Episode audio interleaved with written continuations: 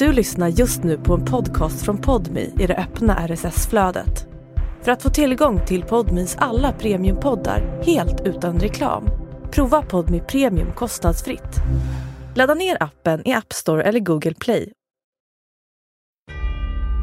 När, det, när jag väl kom till den punkten att jag stör mig på honom. Jag tycker att han är smuts. Jag behöver de här pengarna. Då var det ingen moralisk kompass som jag hade som sa till mig det här är fel. Det var som att jag menar, dricka en kopp kaffe.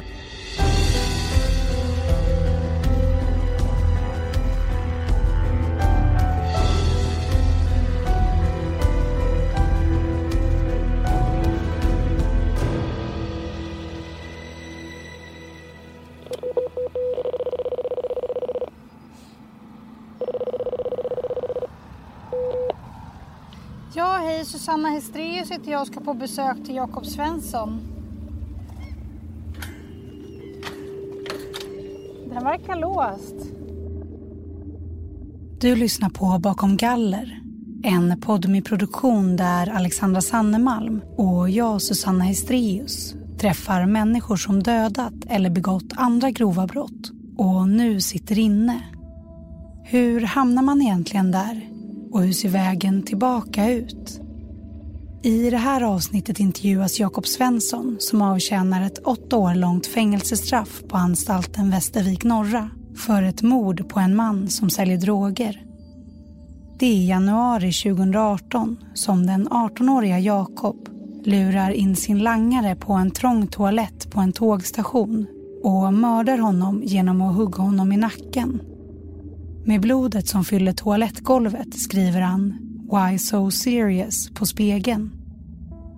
Under rättegången nekar han, men numera erkänner han mordet som han däremot inte ångrar. Mer om det och hur det är att äntligen bli flyttad från en kvinnoanstalt till en manlig anstalt efter könsbekräftande behandling hör du i det här avsnittet. Vi varnar känsliga lyssnare för starkt innehåll.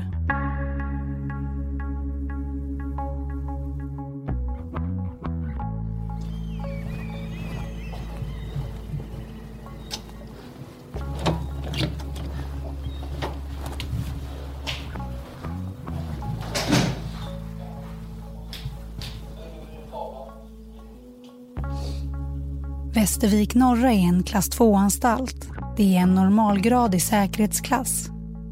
På vägen in får jag gå igenom en metalldetektor, samma som finns på flygplatser. Sen får jag gå igenom en helkroppsvisitering. Jag får behålla mina kläder.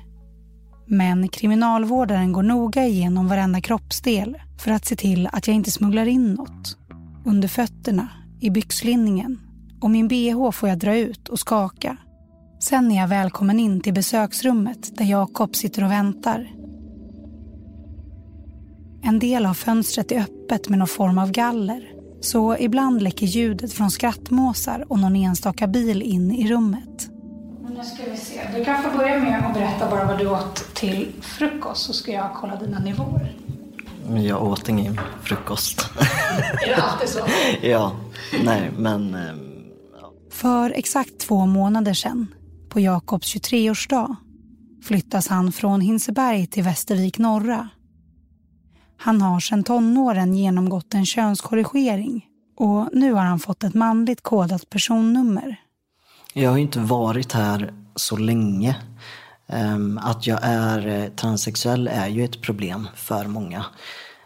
Eller rättare sagt för ett fåtal. Det blir... Ehm, att jag är trans det är de flesta okej med. Men när det är kanske en eller två som är riktigt emot det så kan de påverka en hel grupp som de är med. Som även om de tycker att det är okej så började de ändå ja, de blir påverkade av grupptryck helt enkelt för vad det är som gäller innanför murarna. Vad som är okej och vad som inte är okej. Så det är klart att det har skett situationer och jag har ju behövt avlägsna mig från dem för att om jag går in i sådana konfrontationer så kommer det sluta med slagsmål, isolering och varning och jag kan glömma mina permissioner. Så jag har ju behövt byta avdelning, begära självisolering någon gång, byta till en annan avdelning för att det ska fungera. Eh, jag är inte beredd att, be, att riskera mina utslussmöjligheter för att någon har problem med min könskorrigering. Det låter ändå som att det är ganska tufft och att du måste anpassa dig väldigt efter vad då andra tycker och känner kring vem du är. Jo, men så är det ju. Men jag förväntade mig ju det. När jag tänkte inte att det skulle bli guld och gröna skogar. Jag hade ju ett val. Ehm, när jag bytte personnummer var jag inte tvingad att flytta till mansanstalt. De visste att eh, jag kunde bli utsatt och därför hade jag ett val.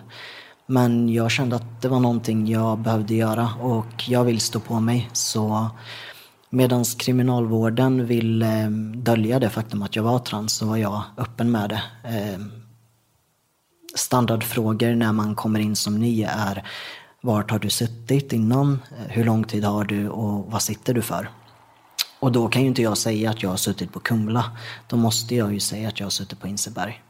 Och när de frågar varför jag sitter på Inseberg får jag säga att jag genomför en könskorrigering. Och sen så får det bära eller brista. De som har problem med, med mig, det kan vara det kan vara folk som alltifrån vill slå på en till eh, våldtäktsförsök. Det kan vara vad som helst. Och man får se till att hantera det helt enkelt och bara eh, göra det som blir bäst för en själv. Samtidigt så är det ju regler här och jag har ju en egen mentalitet. Jag skulle aldrig gå till plitarna och säga vad någon annan har utsatt mig för eller eh, hotat mig med. Utan det är någonting man sköter själv och man får spela spelet taktiskt. Det är drygt fyra år sedan Jakob frihetsberövades. Hans liv har varit trassligt och tiden innan mordet var extra utsatt. Eh, precis innan jag begick brottet så var jag mer eller mindre hemlös. Eh, och jag bodde hos en kompis. Innan det så hade jag bott på gatan. Eh, ja, det var typ så det såg ut. Jag hade inget jobb eller eh, någon sysselsättning eh, och pengarna började ta slut så det var mycket, man stal mat för dagen och liksom sådär. Mm. du är ju bara 18 år då. Det är inte ett vanligt tonårsliv. Nej, det är det inte. Utan eh, det började ju på ett vanligt sätt och jag gick eh, estetteater, ettan och sen så ehm, var det någonting som hände. Så att det bara... Ja, jag hoppade av skolan och eh, jag började ta hand om mig själv mer eller mindre. Och då blev det... Eh, ja, jag jobbade som personlig assistent ett tag men fick sluta med det. Eh, drogerna blev allt mer centralt. Ehm, jag förlorade min lägenhet och ja, och du beskriver att det är någonting som händer där som gör att du hoppar av gymnasiet och sådär. Vill du beskriva vad det är, vad det är som händer? Mm. Ja, men det börjar väl, det går tillbaka väldigt långt tillbaka i tiden. Så jag vet inte hur, hur långt jag ska gå tillbaka. Men... Jakobs föräldrar är funktionshindrade och kan inte ta hand om honom. Så när han är fem veckor gammal placeras han hos en familj där han kommer att bo tills han är 13 år. Jakob menar att familjen har massa bra kvaliteter men i uppfostran skär det sig mellan Jakob och mamman. Jag bodde hos en fosterfamilj, såg dem som mina föräldrar och där förekom bland annat psykisk misshandel och fysisk misshandel. Så när jag var 13 år så flyttade socialen mig till ett annat hem. Eh, och jag förstod inte varför och tog mina föräldrar i försvar och allting. Ehm, och det slutade med att jag rymde tillbaka dit efter ett år på, hos en annan familj. För att ja, jag var väl i järngrepp hos dem och var fast i den där bubblan att jag förstod inte vad det var de gjorde fel. Och efter det så bodde jag där ett tag men det, det var bra i början och sen så fortsatte det igen och vi bråkade och det, alltså, det fick ju liksom inget slut utan allting började om från början. Eh, och till slut så fick jag väl mer eller mindre nog och då flyttade jag därifrån. Och jag tror att jag var runt 16 då. Jag flyttade in på ett gruppboende för ungdomar som av någon anledning inte kan bo hemma. Ehm, jag stannade där ett tag, hade svårt för att följa små regler för jag var van vid att få göra lite som jag ville. Det kunde vara små grejer som att man skulle komma tillbaka vid en viss tid och, och äta mat tillsammans. Och jag tyckte att jag kunde komma och gå som jag ville. Eh, och mitt i allt det här så gick jag igenom min könskorrigering. Eh, jag hade depression, jag försökte komma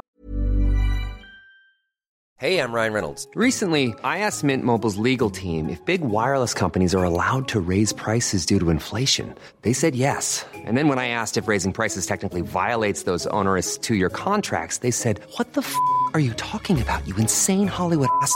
So to recap, we're cutting the price of Mint Unlimited from $30 a month to just $15 a month. Give it a try at mintmobile.com slash switch. $45 up front for three months plus taxes and fees. Promo rate for new customers for limited time. Unlimited more than 40 gigabytes per month. Slows. Full terms at mintmobile.com. fram till vad det var som hade gått fel, mitt förra familjehem. Eh, vad som hade format mig som person och vem jag var född till att vara. Eh, vad som var skador från den psykiska misshandeln. Ehm, jag försökte liksom knyta ihop säcken på något sätt. Ehm, och allt det här blev ju för mycket samtidigt som jag inte tog någon hjälp. Ehm, så när socialen, när jag var 18 år och fortfarande inte följde reglerna i, på det här ungdomsboendet som jag hade flyttat fram och tillbaka ifrån, så sa de bara att eh, det här fungerar inte om du inte följer reglerna. Um, och det ger dåligt inflytande på andra ungdomar för de kommer ju tro att de också kan göra hur de vill. Uh, så du kommer få flytta härifrån. Vet du vart du ska ta vägen? Nej, det vet jag inte. Um, och då ryckte de mer eller mindre bara på axlarna och sa att du är 18 år, vi kan inte ta något ansvar för dig längre. Så då packade jag väskan och efter det så bodde jag hos ja, ibland släktmedlemmar, ibland vänner och ibland så sov jag utomhus. Um, och då blev ju drogerna ännu mer centrala. När kom det in i ditt liv? När blev det en, någonting, ett sätt kanske att hantera livet med? Um, alltså droger, för många är ju droger ett sätt att hantera livet med. Att hantera sorg och hantera ilska eller att man känner att man inte klarar av vardagen utan det. Men för mig så var det faktiskt aldrig så. Utan drogerna för mig var en, en väl mer för min impulsiva sida. Med ADHD så är jag väldigt in the moment och eh, tänker inte på konsekvenser, jag är väldigt impulsiv. Och drogerna var någonting nytt och spännande för mig. Så jag testade för att jag tyckte att det var spännande och så fortsatte jag att testa olika preparat. Men jag fastnade aldrig riktigt för något. Förutom ja, cannabis skulle jag väl säga. Men just att jag testade många olika preparat och gick på det under vissa perioder gjorde det ju så att det påverkade ju min vardag. Men eh, jag kunde också gå perioder nykter. Så det var inte så att jag föll ner i en, en avgrund, vad man ska, eller hur man ska uttrycka det, och gjorde allt för att få droger. så.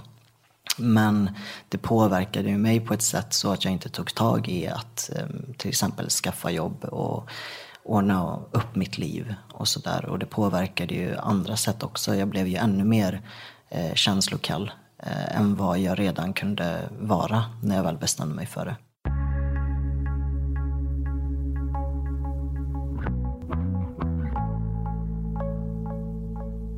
Sen då i januari 2018 så ska du möta en langare till dig. Kan du berätta vad det är som har föranlett att ni ska ses? Ehm, det började väl med, jag hade kontakt med honom på på någon media eller någon sociala medier. Jakob och mannen chattar med varandra. I konversationen berättar mannen om händelser som gör Jakob väldigt upprörd. Jag tyckte att han var smuts. Och det fick mig att bli riktigt irriterad samtidigt som jag behövde pengar. Så jag slog väl två flugor i en smäll helt enkelt och beställde ett kompani som inte är mycket pengar alls och är långt ifrån värt att sitta för mord för. Men för mig var det någonting som jag behövde då. Så då beställde jag de drogerna och så passade jag på att eh, döda honom när jag var, hade tagit drogerna och var där. Ni bestämmer då träff för att ses och sen eh, sker då det här mordet. Kan du beskriva lite vad som händer när ni möts? Ja, alltså egentligen så är det väl, ja, men det låter ju sjukt, men egentligen så var det ju som att, som att träffa vem som helst. Alltså, jag mötte upp honom och eh, det var ju planerat. Det var ju planerat att jag skulle döda honom. Men ironiskt nog så hade jag aldrig planerat att komma undan med det. Eh, vilket säger en del om både min impulsivitet och det faktum att jag var påverkad.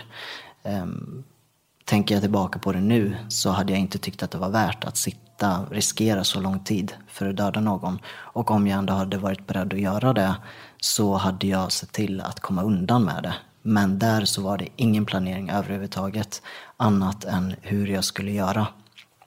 Um, så jag hade bara fixat en kniv och sen så träffades vi. Um, vi gick in på toaletten där bytet skulle, en offentlig toalett där bytet skulle ske. Och sen så ja, tog jag fram kniven och högg honom i halsen. I den stunden, hur upplever du det? Vad tänker du på? Eller finns det någonting? Nej, in, inte direkt. Utan jag, jag kan koppla bort det där. Um, för mig så var det inte mer än vad en annan skulle... Det var som att jag menar, dricka en kopp kaffe eller ta en, tvätta disken. Alltså det var, för mig var det så naturligt. Eh, och jag vet att det låter eh, sjukt i många öron att jag beskriver det så. Men samtidigt tycker jag att det är viktigt att förstå att, att ja, det är lite svårt att förstå. Men de som känner mig blev ju förvånade över att jag kunde göra någonting sånt. För det de, den personen de känner är liksom varm och godhjärtad och omtänksam. Eh, och vill ta hand om alla och bryr sig om alla. Och det är sån jag är. Men samtidigt så kan jag också stänga av och vara kapabel till att göra något annat. Så att man dödar en människa innebär inte att man är en dålig människa och att man är sjuk och har sjuka föreställningar. Utan det kan helt enkelt, man, man kan vara både och. Och för mig så var det just så. Jag visste sedan jag var liten att jag var kapabel till det här men jag hade aldrig jag hade aldrig ens varit i slagsmål för att jag kände inte att jag hade något behov av någonting av att skada andra människor. Men när, det, när jag väl kom till den punkten att jag stör mig på honom. Jag tycker att han är smuts. Jag behöver de här pengarna. Då var det ingen moralisk kompass som jag hade som sa till mig det här är fel. Jag vet att samhället tycker att det är fel, men jag brydde mig inte. Så jag högg honom och han, eh, han föll ihop. Eh, bad för sitt liv. Och eh, ja, sen det var, alltså, det var inte mycket mer än så. Alltså, det var ju små fragment. Men, ja. Och när du beskriver då att du liksom har känt sedan du var ganska liten ändå, att du har förstått tidigt att du är kapabel till det. Vad tror du det gör att du har kunnat känna dig säker på den saken?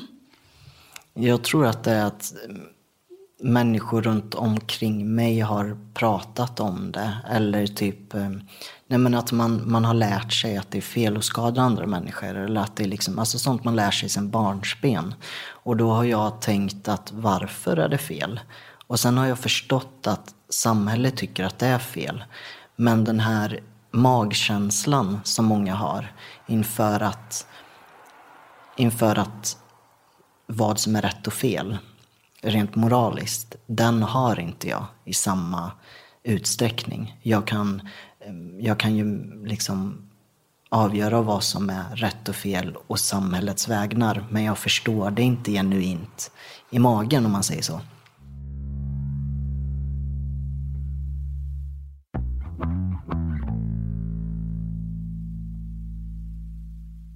Jakob hugger ihjäl mannen, doppar sitt finger i hans blod och skriver på toalettspegeln “Why so serious?” Sen täcker han mannens ansikte med två servetter och senare skickar han också ett brev till polisen med texten “Bloody night in the toilet light”. Jag har ju framförallt bara läst domen och så. Och när man läser det så låter det ju väldigt brutalt. Och hur tänker du på det när du utifrån ser på vad som faktiskt hände? Ja, alltså det är ju rätt sjukt, alltså det håller jag ju med om.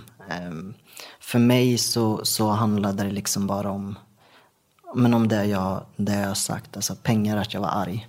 Jag tänkte inte på Alltså det, det hände ju fler saker i toaletten, som är, eller på toaletten. Till exempel att jag, och det här har psykologerna varit jättebryllade över det faktum att efter att jag hade dödat honom så la jag papper på hans ansikte. För att nästa person som kom in på toan inte skulle se hans ansikte. Och de var jätteförbryllade över det. Och det, det är ett bra exempel på det här svart eller vita tänket. De förstod inte hur jag kunde ha empati för nästa människa efter att jag precis hade dödat någon. För mig så var det rätt självklart att jag vill inte orsaka en annan oskyldig människa att gå in på toan, se en massa blod och sen se det här ansiktet som är där och ha det fastetsat i, i huvudet resten av sitt liv. För jag förstår att det är en traumatisk upplevelse för andra, även om det inte är det för mig. Och det var därför jag ville förhindra det och la papper på ansiktet.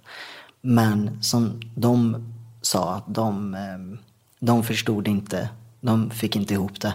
Så de, eh, ja. Du skriver också med blod på spegeln. Kan du berätta om det?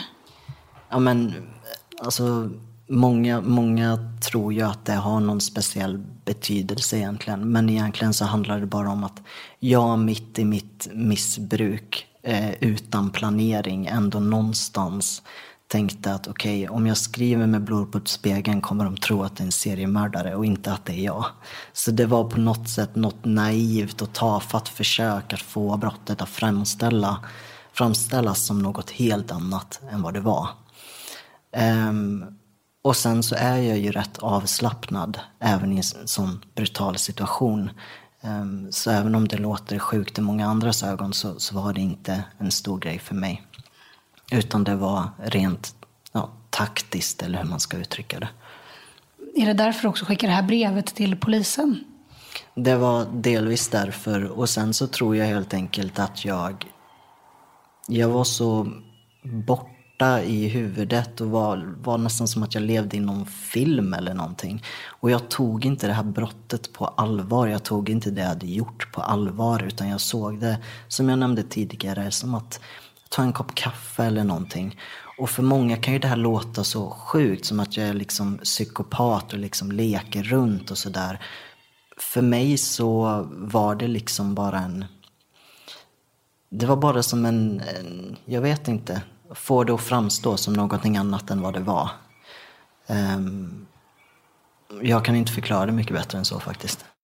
Jakob frihetsberövas den 9 januari 2018 från frihetsberövandet kan man väl säga att i häktet så sov jag mest och jag åt upp mig. Jag eh, vägde relativt lite och jag eh, var bara glad över att ha liksom en säng och tak över huvudet och ha en rutin, för det hade jag inte haft på flera år.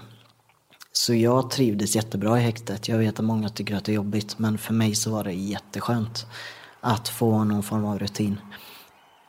Ett tag efter det så är det ju tingsrättsförhandlingar och sen också hovrättsförhandling. Och där erkänner du inte det här brottet, något du däremot gör idag. Hur, hur kommer det sig? Ja, men de, inte de flesta, men många som sitter här har ju tidigare erfarenhet av kriminalitet, har rört sig i kriminella kretsar. Ehm, och det har inte jag när man har det så lär man sig väldigt tidigt vad man ska säga och vad man inte ska säga. Jag hade ingen sån erfarenhet. Så det jag gjorde var att blåneka och komma med massa andra förklaringar som var jätteorimliga. Nu, hade det varit nu, så hade jag ju antingen erkänt om jag förstått att de har för mycket bevis. Eller dragit nytta av det faktum att man inte hade någon kamera inne på toan. Och då hade jag kunnat säga att han överföll mig och då hade jag kunnat få dråp till exempel eller någonting annat. Och eh, sen så förstod jag ju, jag erkände för åklagaren vid ett senare tillfälle.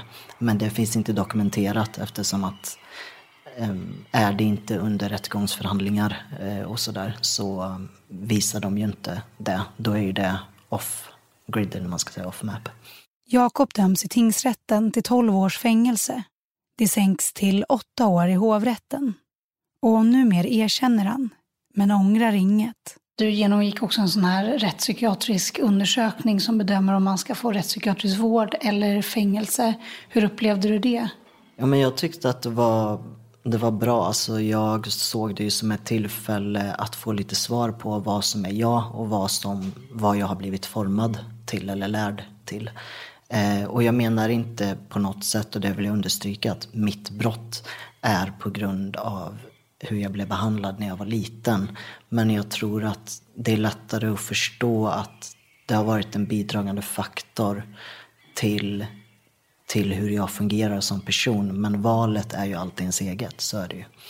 Men eh, jag tyckte, så, så jag såg den rättspsykiatriska undersökningen som en, en, en möjlighet att knyta ihop säcken ytterligare. I häktet hade jag, lagt, hade jag läst alla journalanteckningar om, eh, från socialen från det att jag var tre år och framåt för att försöka pussla ihop bitarna. Eh, så jag såg det som en möjlighet. Fick du några insikter när du gjorde den? Eh, alltså jag fick väl inga direkta insikter annat än de diagnoserna som de gav. Eh, och ironiskt nog så var allt det de sa saker som jag redan hade kommit fram till själv flera år tidigare genom att försöka gräva i mig själv och mer eller mindre vara psykolog åt mig själv. Så de eh, tyckte ju också att jag hade, att jag hade mm, vet autistiska drag ehm, och dissociativa drag. De upplevde att min barndom hade fått mig att särskilja på känsla och intellekt. Vilket gör att jag kan distansera mig. Och det är dissociation är inget man föds med utan det är någonting som ofta händer vid traumatiska upplevelser. Ehm, så de, de gav mig diagnosen att jag ja, antisocial personlighetsstörning för att jag inte håller med om deras sätt att se på samhället. Och sedan med dissociativa och ehm, eh, autistiska drag.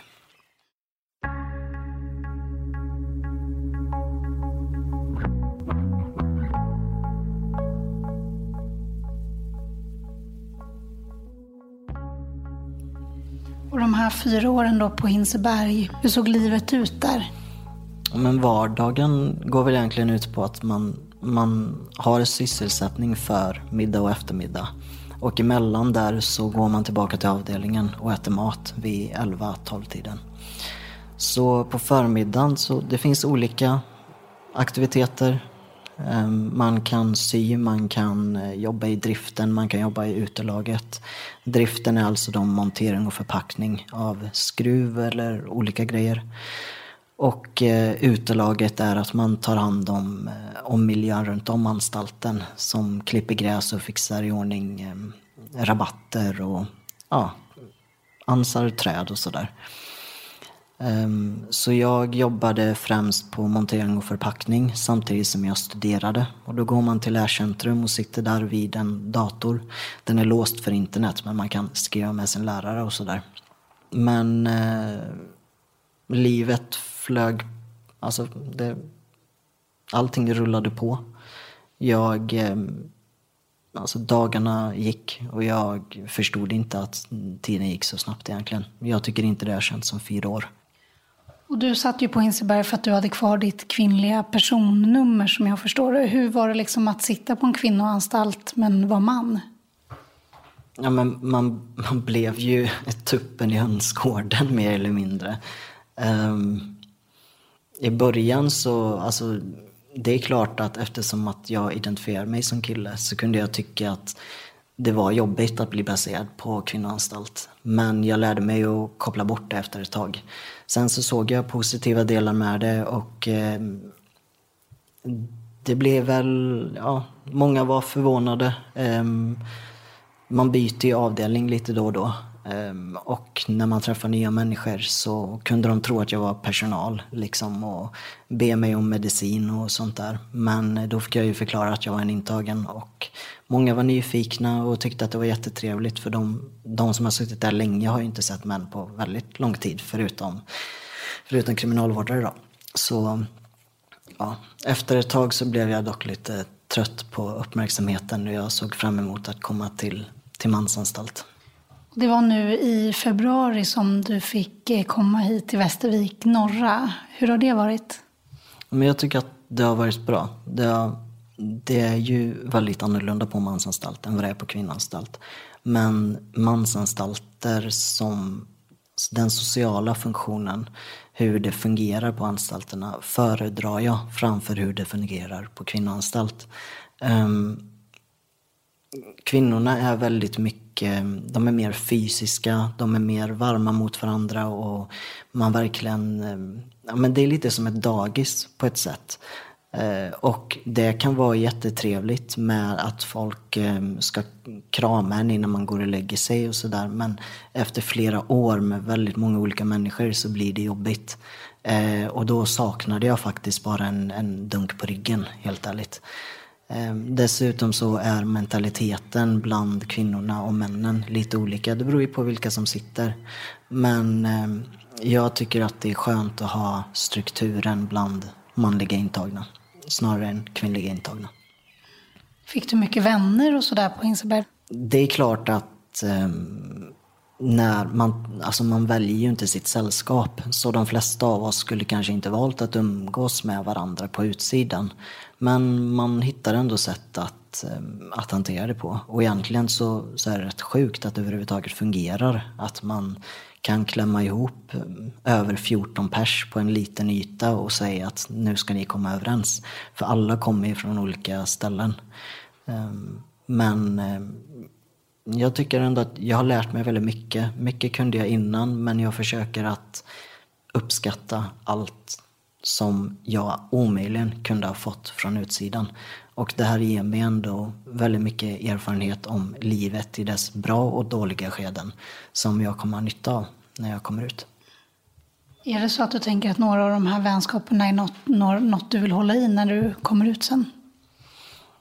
Några få, men jag... Eh, även om jag tycker om en människa så innebär det inte nödvändigtvis att jag vill ha en fortsatt kontakt med den. Um, så det är några få som jag kommer ha kontakt med på utsidan som jag känner att här, här har vi någonting att bygga på. Liksom. Så ja, det, det är några tjejer som eh, varav en jag har fått med på mm, att vi ska fjällvandra till exempel. Eh, hon ser fram emot det jättemycket och eh, jag också men jag vet ju att jag kommer ju behöva ja, stå ut med henne skrikande för myggen, mer eller mindre. Så, så ja, det finns mycket olika saker att se fram emot när man kommer ut och det finns en, eh, några människor som jag kommer bevara. Som Jakob berättade tidigare i avsnittet har det inte varit så lätt att komma till en mansanstalt. Det är flera personer som inte tycker det är okej att vara trans, vilket resulterar i hot och våld. Jakob sitter därför på en mindre och lugnare avdelning trots att han egentligen skulle vilja sitta på en vanlig avdelning. Och trots alla hot skulle Jakob aldrig berätta vem på anstalten som behandlat honom så för en kriminalvårdare. Vad är mentaliteten och varför vill du hålla den framför kanske din egen säkerhet? Ja, men för mig så... Alltså det, det här går ju inte att förklara med få ord, men jag ska försöka. Ehm, jag tänker att fängelsementalitet kommer någonstans ifrån. Eh, och det kommer inte ifrån utsidan där kriminella väljer att inte snacka med snuten. Eh, bara för att eh, kriminalvården är myndighetsperson så innebär inte det att kriminella behandlar dem respektlöst. Utan det kommer långt tillbaka ifrån när kriminalvården var allt annat än bra mot kriminella. Inte behandlade dem mänskligt, kallade dem för nummer och eh, det kunde ske alltifrån misshandel till våldtäkter och utnyttjande, maktposition, allting. Och det har gjort så att kriminella har en viss mentalitet inne i fängelset, att det är vi mot dem. Eller åtminstone vi ska ta hand om varandra. Jag förstår att vi har ett... Att om man gör ett brott så ska man sona för det eller att man ska sitta i fängelse. Men efter att ha suttit i fängelse och efter att ha träffat många personer här så vet jag att straff, det är inte rätta vägen att gå. Det kan vara rätt väg i viss omfång. Men vill man minska kriminaliteten, då handlar det om att man ska ta hand om utsatta och ändra skyddsnätet i Sverige. Inte genom att höja straffen. Och därför så ser jag ingen som helst anledning till att gå till en plit eller polisanmäla om någon hotar mig eller gör någonting annat mot mig. För jag vet att det är bara en ond cirkel. Då kommer de kanske få sitta några månader längre och det kommer inte göra någon skillnad alls för den personen. Den kommer komma ut och den kommer antagligen återfalla i brott igen för att samhället inte tar sitt ansvar och inte kriminalvården heller. Så jag ser hellre att jag tar det med den personen privat, att vi löser det sinsemellan. Oavsett om det slutar i bråk eller vad det slutar i, så ser jag hellre det som ett alternativ än att sätta personen i samhällets klor.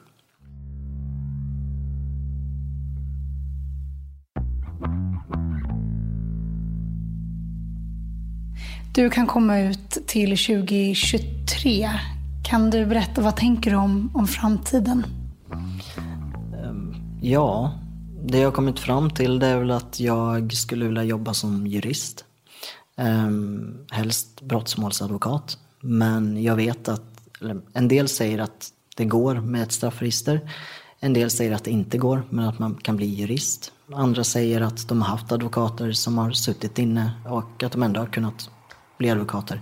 Jag vet inte, men jag tänker att det är min, min framtida plan. Um, och Eh, annars så när jag kommer ut så kommer jag väl eh, skaffa ett hus eller en lägenhet ehm, och ehm, jobba helger, helgnätter så att jag får veckodagarna till att göra annat som jag tycker är roligt. Träna och vara ute i naturen, skaffa hund ehm, och sådär. Och sen så är det väl framförallt mina mål och drömmar jag vill uppfylla och det är ju att resa. För att jobba som volontär för utsatta barn och för utrotningshotade djur. Och det är väl det jag vill göra, vara lite på resande fot och eh, träffa allt från urstammar för att se deras kultur och eh, ja, lite äventyr sådär. Det låter som att du är väldigt nyfiken på, på livet. Jo, men det är jag. Och jag tycker att livet är som bäst när man tar lite risker. Så jag tycker att det är jätteroligt att dyka till exempel. Så jag skulle jättegärna vilja dyka med vithajar och liksom verkligen utmana mig själv. Um, och jag vet att det finns väldigt många som utanför Sverige och många andra länder inte har det lika bra. Och jag blir jättearg och ledsen på mänskligheten när jag ser hur miljöförstöringar påverkar djurlivet. Um, och, jag vill, och jag tänker att det minsta jag kan göra om jag inte har pengar för att, att skänka varje månad, det är ju åtminstone att se vad de går igenom. Uh, att faktiskt befinna mig där och finnas där för dem. Hur ser du på liksom det här brottet idag? Jag ser det som väldigt onödigt. Um, jag, jag kan inte säga att jag, att jag ångrar det med en, vad ska man säga, sorg. Eller att jag eh, känner någon empati för det så. Men, ja nu låter jag kanske lite självisk, men eh, jag ångrar det ju för min egen skull, om man säger så. För att jag sitter där jag sitter. Eh, samtidigt så kan det ha varit bra att jag hamnade i fängelse, det jag gjorde. För att annars är risken stor att det hade gått ännu värre. Eftersom att jag var hemlös och allting. Så skulle risken varit stor att jag skulle fastnat i missbruket och tagit tyngre droger. Och eh, hamnat riktigt på botten. Så jag tror att jag hamnade i anstalt i rätta stunden. Mot honom så, tänker du någonting på hans anhöriga eller så? Finns det någon ånger kring att de också påverkas av det här? När det kommer till hans vänner och så, så gör det inte det. Det kan jag koppla bort. Det enda jag kommit som närmar sig medlidande, det är väl det faktum att eh, han har ju föräldrar. Eh, och att förlora ett av sina barn, eller överleva ett av sina barn, eh, är väl föräldrars värsta mardröm. Och det kan jag känna medlidande för. Inte om jag ska... jag tror inte klockan har blivit så att det har gått två timmar. Så då skulle jag... 16.49. 49. Ja men vad bra, det var ganska... Ska jag...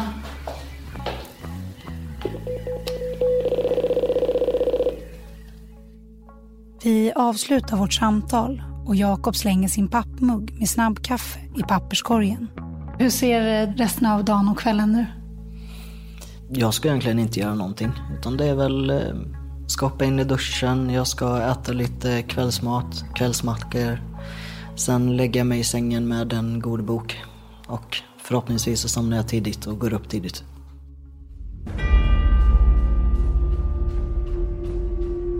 Du har lyssnat på Bakom galler som görs av Alexandra Sannemalm och mig, Susanna Hestreus. För ljud och form står Fredrik Nilsson. Slutmix Elin Rosenberg. Bakom galler är en podmi produktion som produceras av Tredje Statsmakten Media.